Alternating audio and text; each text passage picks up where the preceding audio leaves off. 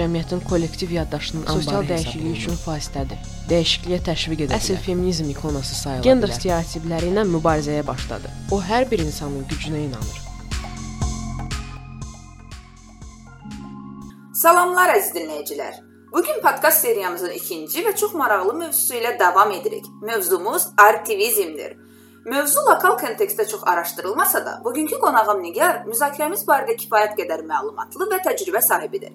İlk sualımı ünvanlayaraq sözü Nigara vermək istəyirəm. Aktivizm ümumilikdə nədir? Bir-birinə çox bənzəyən aktivizm və aktivizm sözləri arasındakı fərqi nə əmələ gətirir? Nəyə görə sadəcə incəsənət yox, məhz aktivizm? Salam əziz Turana. Çox sağ ol sözü mənə verdiyinə görə. Və ilk sualıma artıq başlamaq istəyirəm. Aktivizm sənət və aktivizmi bir-birinə bağlayır. Aktivist dəyişiklik üçün hərəkətdə əsasən siyasi və ya sosial məsələlərlə bağlı aktiv olan şəxsdirsə, aktivist bu məsələlər üçün incəsənətlə birlikdə hərəkətdədir. Aktivizm yeni müdaxilə yolları axtarır. Ənənəvi aktivizm fəaliyyətindən kənara çıxır və fəaliyyətinin əsas aləti sənətin müxtəlif formalarıdır. Sənət və aktivizmin qarşılaşması həm də bizim standart incəsənət anlayışımızı da sarsıdır. Onu incəsənət qalereyası, muzeylər, konsertlər, teatrlar və başqa yerlərdən çıxarıb gündəlik həyatımıza, küçələrə, nəqliyyata, ictimai məkanlara daxil edir. Aktivizm şən, yaradıcı, gülməli, qəddar, lağlağlı və ya qaranlıq ola bilər. Aktivist əsərləri yaradarkən rəsm, fotoqrafiya, musiqi, film, poeziya kimi fərqli vasitələrdən istifadə edilə bilər. Sənət artıq gerçəkliyi əks etdirməklə məhdudlaşmır, həmçinin dəyişməklə məşğul olur. Aktivizm həyatı sənətlə yenidən kəşf etməyə dəvət edir. İkinci sualıma keçid almaq istəyirəm. Aktivizm ilk dəfə olaraq özünü necə göstərib? Necə oldu ki, aktivizm termininə ehtiyac yarandı? Ümumiyyətlə sənətin müxtəlif sahələri yarandığı dövrdən cəmiyyətə öz təsirini göstərib. Rəsm, heykəltaraşlıq, musiqi, ədəbiyyat və digər sənətlər çox vaxt cəmiyyətin kollektiv yaddaşının anbarı hesab olunur. Sənət həqiqətə əsaslanan tarixi qeydlərin edə bilmədiklərini saxlamaq qabiliyyətinə malikdir. Müəyyən bir zamanda, müəyyən bir yerdə insanlar necə yaşayıb, cəmiyyət hansı formada olub, bunları sənət özündə ifadə edə və yaddaşda saxlaya bilər. Sənət çox vaxt sosial dəyişiklik üçün vasitədir. İnqilabdan sənət əsəri yarandığı kimi, sənət əsəri də inqilab yoluna gətirə bilər. Bir mahnı, film və ya roman duyğuları oyandıra, insanları inqilaba, dəyişikliyə təşviq edə bilər.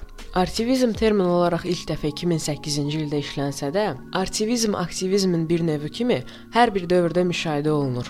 Məsələn, Frida Kahlo əsl feminizm ikonası sayıla bilər. O konservativ bir cəmiyyətdə qadın azadlığı üçün vuruşurdu və açıq biseksual idi. Meksikadakı siyasi vəziyyət onun sənətinə böyük təsir göstərdi. 1910-1920-ci illər arasındakı inqilabdan sonra ölkə iqtisadi, sosial və siyasi hər sahədə zəiflədi. 1920-24-cü illərdə Meksikadakı vəziyyət sabitləşməyə başladı. Lakin bərabərsizliklər davam edirdi. Bu müddət ərzində siyasi sahəyə girməyi bacaran qadınlar yenidən əvvəlki evdar qadın rollarına salındılar. Bu köləliyin daxili vəzifələrə, hüquqların olmamasına qayıtması demək idi. Qadınların siyasi həyata və təhsilə çıxışları yox idi. Gənc yaşında Kalo buna tabe olmaqdan imtina etdi və gender stereotipləri ilə mübarizəyə başladı. Sənəti sayəsində fikirlərini sərbəst ifadə etməyi bacardı. Rəsmlərinin hər biri ona heç kimin bu məqamdan əvvəl danışmağa cürət etmədiyi tabu mövzularından danışmasına imkan verdi. Kalo özünə heç bir məhdudiyyət qoymadı. O rəsmlərində seksuallığı, abortu və genital orqanlarını təsvir etdi. Cəsarətli sənət nümunələri hər bir dövrdə insanları ruhlandırmağa asanlıqla bacarıb. 2000-ci illərin əvvəllərində bütün dünyaya səs salan Tatu qrupu buna bir nümunədir. Mahnı və kliplərində lezbiyan sevgisini açıq göstərməklə dünyada LGBT-lər üçün bir inqilab etdiyini desək yanılmarıq. Tatu qrupu Amerikaya belə səsini çatdıra bilən ilk və son rus sənətçiləri sayılır. Paradoksaldır ki, əvvəllər olduğu kimi indi də Rusiya ən homofob ölkələrdən biri olaraq qalır. Çox sağ ol Nigar. Verdiyin nümunələrdən aktivizm haqqında az-çox ilkin məlumatımız yarandı. Bəs Kvir aktivizmi dedikdə nə başa düşülür? Aktivizm artıq bir oturmuş anlayış olaraq formalaşdığına görə inkişafı sürətli şəkildə hər sahədə özünü göstərir. Dövrümüzdə mural və qrafiti aktivistlərin sayının artdığı aydın şəkildə gözə çarpır. Çox məşhur Banksy, Abov, Blipsker psevdonimli aktivistləri buna misal gətirə bilərik. Aktivistlər adətən məhz sənət əsərlərinin məşhur olması üçün psevdonim, yəni ləqəb, təxəllüs götürürlər. Bununla onlar şəxsiyyətlərinin gizlin qalmasına qismən nail ola bilirlər. Mən bunu çox dəstəkləyirəm və düşünürəm ki, həm aktivistin, həm də artivistin özü yox, gördüyü iş daha çox tanınmalı və üzdə olmalıdır. Diqqət və fokus hər zaman artivistdə yox, artivistin verməyə çalışdığı mesaj və auditoriyaya çatdırmağa çalışdığı fikirlərdə olmalıdır. Müasir nümunələrdən Daniel Arzolanı misal göstərə bilərik. Venesuelalı Daniel Arzola adlı aktivist lesbiyan, gey, biseksual və transgender kimliklərlə əlaqəli stereotipləri dağıdan əsərləri Amnara Joke seriyasında toplanıb. Daniel bildirir ki, Venesuela Latın Amerikasında LGBT hüquqları və görünürlüyü mövzusunda ən çox geridə qalan ölkələrdən biridir. Məhz buna görə də o ağır gənclik illəri keçirib. 15 yaşı olanda onu elektrik dirəyinə bağlayıb və diri-diri yandırmağa çalışıblar. Bu tragik vəziyyətdən qaça bilsə də, daha sonrasında 6 il sənətlə məşğul ola bilməmişdi. Çünki çəkdiyi rəsmlərin hamısını məhv etmişdilər və o artıq yaşadığı travmalardan dolayı yenidən rəsm çəkə bilmirdi. Qaçdıqdan sonra şiddəti unutmağa çalışmışdı və yenidən yaradıcılığa başlamağa qərar vermişdi. Venesuelada seksual müxtəliflik və reproduktiv sağlamlıq haqqında məlumatverici bir təhsil kurikulumu təəssüf ki mövcud deyil. Hökumət davamlı olaraq mediada və çıxışlarında homofobik ifadələrdən istifadə edir. Daniel qeyd edir ki, Amnara Joke seriyasını avtobus dayanacaqları və metro stansiyalarında görmək istərdi. Artıq bunu bir dəfə Buenos Airesdə edib Onun işinin fəlsəfəsi budur ki, hamımız eyni deyilik. Hamımız fərqliyik və bu bizi müxtəlif edir və müxtəliflik mövcud olan ən böyük azadlığın ifadəsidir. O hər bir insanın gücünə inanır. Aktivistlər tək fərdi şəkildə yox, həm də qrup şəklində də fəaliyyət göstərirlər. Əsasən 80-ci illərin sonu və 2000-lərin ilk 10 illiyində fəaliyyətdə olan Grand Fury ABŞ-da davamlı homofobiyaya, və LGBT+-ların HIV epidemiyasından məhsul olmaqda günahlandıran ifadələrə reaksiya olaraq ortaya çıxan bir aktivist qrupudur. Grand Fury reklam və kütləvi informasiya vasitələrini öz məqsədlərinə uyğunlaşdıraraq siyasi bir mesaj verirdilər. Homoseksuallıq və HIV haqqında məlumatları çox geniş bir kütlə ilə bölüşmək istəyirdilər. İlk layihələrindən biri gey cütlüklərin bir-birlərini öpdüklərini göstərən plakatlar idi. Plakatın üst hissəsində sosiuma güclü bir mesaj ötürməyə çalışan gözəl bir ifadə gözə çarpırdı. Öpmək öldürmür, xəsislik və laqeydlik öldürür. Plakatın alt hissəsində isə belə yazılmışdı: Firmaların xəsisliyi, hökumətin hərəkətsizliyi və insanların laqeydliyi HIV-ni siyasi bir böhrana çevirir. Daha sonrasında kollektiv adi reklam vasitələrindən istifadə edərək öz mesajlarını cəmiyyətə çatdırmağa başladılar. İctimai məkanlarda, lövhələrdə, avtobuslarda, stikerlərdə, futbolkalarda, afişalarda və s. kimi yerlərdə öz işlərini çap edərək yaymağa başladılar. Gəlin isə mövzunu lokal kontekstdə araşdıraq. Azərbaycanda ümumiyyətlə aktivizm varmı? Varsa, nə qədər inkişaf edib? Özünü harda və necə, hansı sahələrdə əks etdirib? İnsanların sosial həyatlarında ölkədə aktivizmin rolu nədən ibarətdir? Azərbaycanda aktivizm varmı sualına konkret cavab vermək çətin olar. Bunu analiz etmək daha yaxşı nəticə verər. Azərbaycanda bir neçə özünü aktivist adlandıran şəxslərlə rastlaşmışam. Amma onların bu mövzuda keçdiyi təlimlərdən başqa bir işini görməmişəm. Azərbaycanda müasir incəsənət hələ ki qaleriyalarda və muzeylərdə qalmaqdadır. Ölkəmizdəki müasir incəsənət mərkəzləri və muzeylərində qadın haqqları, erkən nikah və başqa sosial problemlərə yetərincə toxunulur. Amma bunu sadəcə incəsənət və bu sahə ilə maraqlanan insanlar gəlib görür.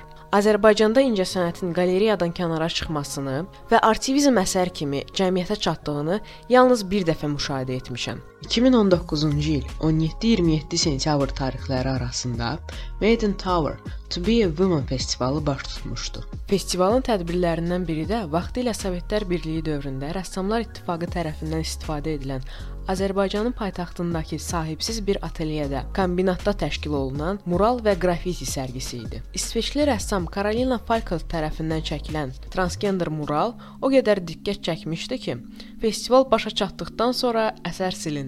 Təşkilatçıların bildirdiyinə görə, mural sakinlərin polisə şikayəti nəticəsində silinmişdi. Sentyabrın 29-da Bakı şəhər icra hakimiyyəti muralın pozulmasına təəssüf hissi keçirən bir bəyanat yaysa da, lakin muralda təsvir olunan trans obrazın sakinləri və Azərbaycanın milli zehniyyətini təhqir etdiyini ifadə ediblər. Bəyanatda deyilirdi: Azərbaycan multikultural ölkə olsa belə, öz milli dəyərləri, mental xüsusiyyətləri var. Gələn qonaqlar Azərbaycanın müsəlman ölkəsi olduğunu nəzərə almalı. Biz başqa dinlərə, dəyərlərə necə tolerantıqsa, onlar da bizim dəyərlərə hörmətlə yanaşmalıdırlar. Ölkəmizə gələn xarici qonaqlar çox böyük hörmət və ehtiramla qarşılanır. Amma paytaxtda binalar mühafizə olunur, onların fasadları yenilənir. Odur ki, Bakıda binaların üzərinə müxtəlif şəkillərin çəkilməsinə icazə verilmir. Əgər festival çərçivəsində rəssamlara hansısa binanın üzərinə qrafiti çəkməyə icazə verilibsə, bu o demək deyil ki, onlar bizim əxlaqımıza zidd olan dəyərləri Azərbaycanda rəsm vasitəsilə təbliğ etməlidirlər. Onda belə çıxır ki, Azərbaycana gələn qonaqlara öz təriqətlərini də təbliğ etməyə imkan verilməlidir. Bu düzgün yanaşma deyil. O ki qaldı bunu sənətə və sənətkarlığa qarşı hörmətsizlik kimi dəyərləndirilməsinə, bu fikirlə qəti şəkildə razı deyilik. Bu gün Bakıda elə binalar var ki, orada qrafitilər çəkilib. Amma bizim rəssamlar bunu elə peşəkarlıqla ediblər ki, özümüzdə gələn qonaqlarda baxanda zövq alırlar. Bu bəyanatdan açıq-aydın görmək olur ki, cəmiyyətimiz LGBT fobik və hələ də sivillikdən kifayət qədər uzaqdır. Layihənin kuratoru Şıxlinskaya muralı qorumaq üçün çox mübarizə apardığını, lakin uğursuz olduğunu söyləyib. O bildirmişdi ki, muralın çəkildiyi divar polisə şikayət edən sakinlərin yaşayış kompleksinə baxırdı. Rəsmdən dəhşətə gələn insanların bir sıra şikayətlərindən sonra Falkotun əsərlərini qismən boyamağa qərar verildi. Kurator mübarizə apardığını vurğulasa belə, bunun məhz sakinlərin şikayəti nəticəsində silindiyinə heç inanmağım gəlmədi. Belə ki, mural çəkildiyindən düz 10 gün sonra tam şəkildə silindi. Və bu müddət ərzində bu mural sosial şəbəkələrdə nə müzakirə obyekti oldu, nə də etiraz. Necə olur ki, etiraz edən heç olmasa bir şəxs bunu sosial şəbəkələrdə işıqlandırmaq istəmədi. Sakinlər etiraz üçün məhz festivalın bitməyini gözlədi. İndi isə keçid almaq istəyirəm son sualıma. Artivizmin pozitiv dəyişikliklər üçün bir vasitə seçərək ölkədə nələr etmək olar? Nələrə nail olmaq olar? İstərdim biraz bu barədə danışasan. Bundan əvvəl də qeyd etdiyim kimi, Azərbaycanda incəsənət və əsərlər muzeylərdən kənara çıxmır. İncəsənəti demək olar ki, yalnız bu sahə ilə maraqlananlar görür. Azərbaycanda insanlar incəsənətin ayağına gedir, amma artivizm incəsənəti insanların ayağına gətirməyə, mümkün və əlçatan yerlərdə göstərməyə, incəsənəti qapı arxasından, divarlar arasından çıxarmağa çalışır. Pozitiv dəyişikliklər üçün incəsənəti insanların sıx olduğu yerlərə, həmçinin rayonlara gətirmək lazımdır. Məsələn, reklam lövhələri, ictimai nəqliyyat, küçələr sənətlə dolmalıdır. Küçələrdə artıq sərgilər keçirilə bilər və cəmiyyət buna hazır deyil. Əxlaqa ziddir kimi cümlələr bahanədən başqa bir şey deyil. Bəşəriyyət tarixinin istənilən dövründə cəmiyyət nələrəsə hazır olmayıb. Cəhd və cəsarət olmasa, cəmiyyət elə həmişə hazır olmayan vəziyyətdə qalacaq və biz bu cümləni hələ uzun illər eşitməli olacağıq. Artivist tək yaratmalı deyil, həm də inanıb mübarizə aparmalıdır. Çox sağ ol ətraflı məlumatlar və öz təcrübəni paylaşdığın üçün. Bir daha xatırladım ki, podkastlar seriyamız Nəfəs LGBT Azərbaycan Alyansı tərəfindən təşkil olunub və gələn həftə yeni və gündəmdə olması vacib, çox maraqlı bir müzakirə ilə davam edəcəyik. İzləmədə qalın, dinləmədə qalın və sizlərlə Turana idi. Çox sağ olun. Sağ olun.